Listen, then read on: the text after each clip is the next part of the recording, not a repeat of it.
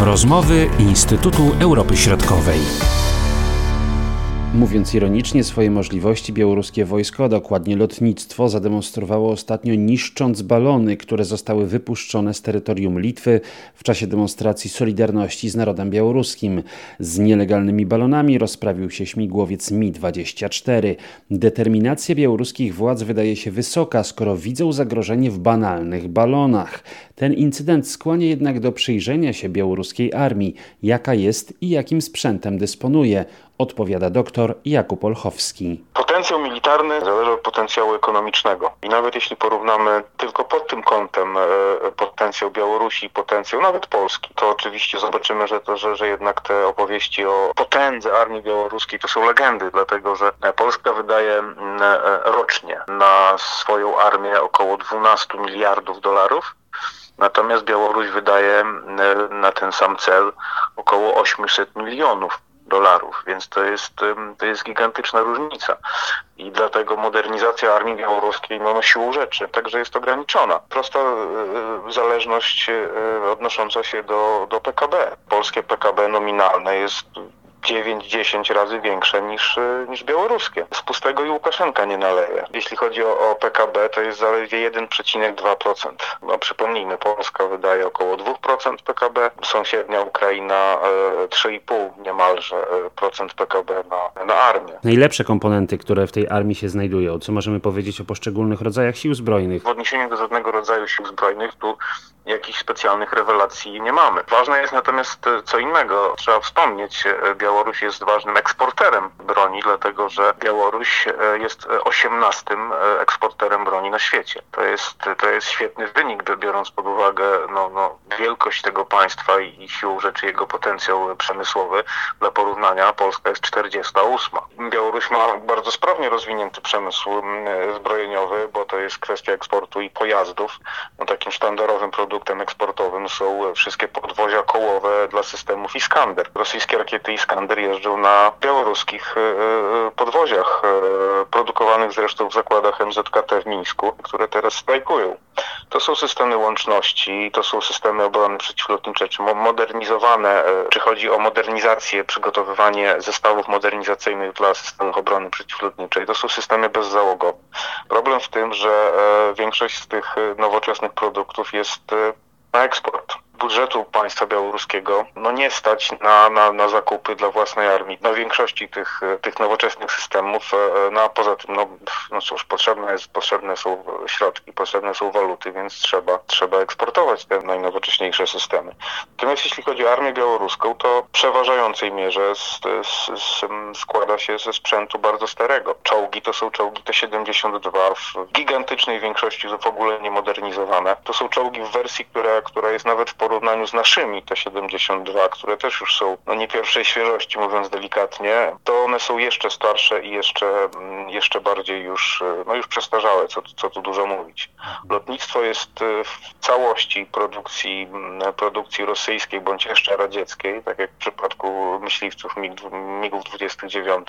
W 2017 roku Białoruś e, podpisała umowę o zakupie e, w Rosji 12 e, ciężkich myśliwców Su-30. Właściwie zakup tych samolotów jest kredytowany przez stronę rosyjską. I Rosjanie sprzedają Białorusi samoloty, jednocześnie je, je kredytując.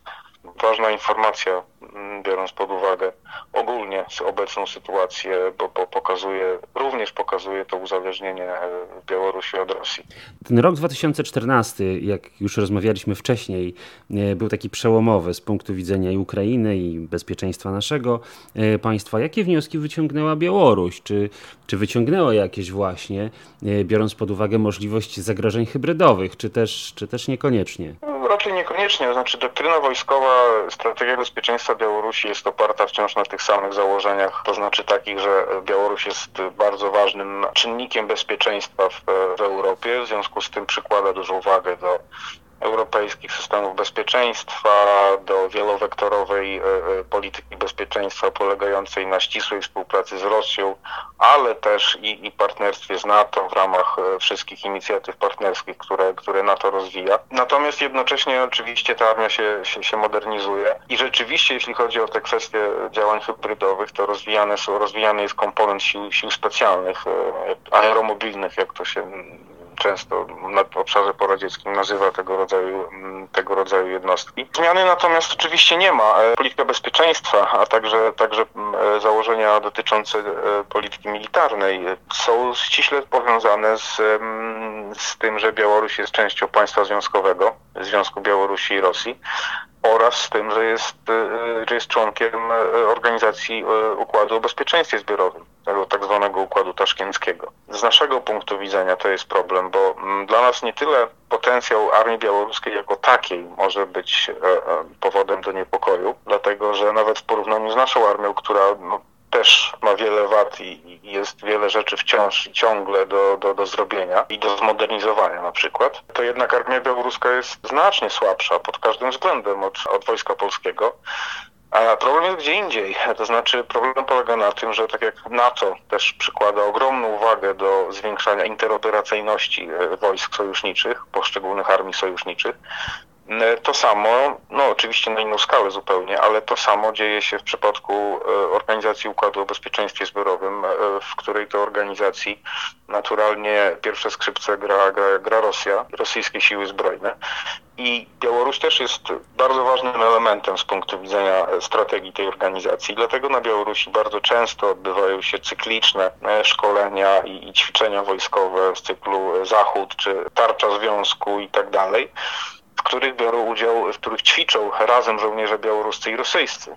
Więc należy przypuszczać, że ten e, stopień interoperacyjności sił białoruskich i rosyjskich także jest e, bardzo duży. Inna sprawa, też ważne, na ile, e, na ile lojalni i wobec kogo okażą się, biorąc pod uwagę, co się w tej chwili dzieje w, w kraju, na, na Białorusi, okażą się przedstawiciele no, elit wojskowych, czy w ogóle resortów siłowych. To są ciekawe kwestie związane z tożsamością, na ile jest ta tożsamość rozwinięta, białoruska, na ile właśnie ta mentalność powiedzmy postsowiecka, prawda?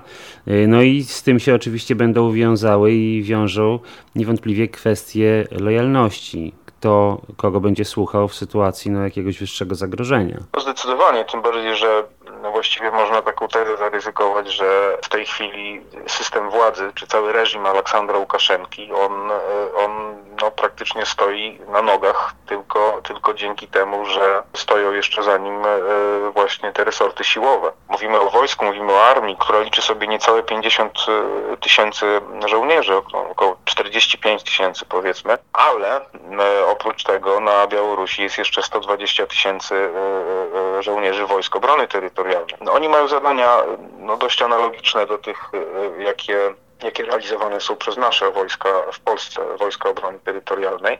A do tego jeszcze, to też jest bardzo ważne, to jest, to, to jest też bardzo charakterystyczne dla obszaru poradzieckiego. Mianowicie e, jest około 12 tysięcy e, tak zwanych wojsk wewnętrznych. Wiadomo, władza ludowa potrzebowała, e, żeby lud ją kochał, potrzebowała wojsk wewnętrznych, żeby ten lud trzymać w ryzach. A co z rosyjską infrastrukturą na Białorusi? Pojawiły się takie plany 5 lat temu mniej więcej, żeby tam e, powstała na Białorusi e, baza lotnicza rosyjska ale Łukaszenka się nie zgodził. To, co nie zmienia faktu, że e, i tak na Białorusi są rosyjskie e, instalacje wojskowe. Jest e, baza radiolokacyjna, baza radarowa, która jest częścią systemu obrony przeciwlotniczej właśnie organizacji wspólnej obrony przeciwlotniczej państwa związkowego i organizacji Układu o Bezpieczeństwie Zbiorowym. No i jest baza łączności z nuklearnymi okrętami podwodnymi rosyjskimi. Więc takie dwie instalacje rosyjskie, bardzo ważne, e, są na Białorusi, więc z pewnością no też Rosjanie nie byliby szczęśliwi, gdyby mieli je utracić w jakiś sposób. Miejmy nadzieję, że białoruskie wojsko ograniczy swoją aktywność tylko do poligonowych ćwiczeń. Ewentualne użycie armii do tłumienia protestów spowodowałoby niewyobrażalne konsekwencje. Marcin Superczyński, do usłyszenia. Były to rozmowy Instytutu Europy Środkowej.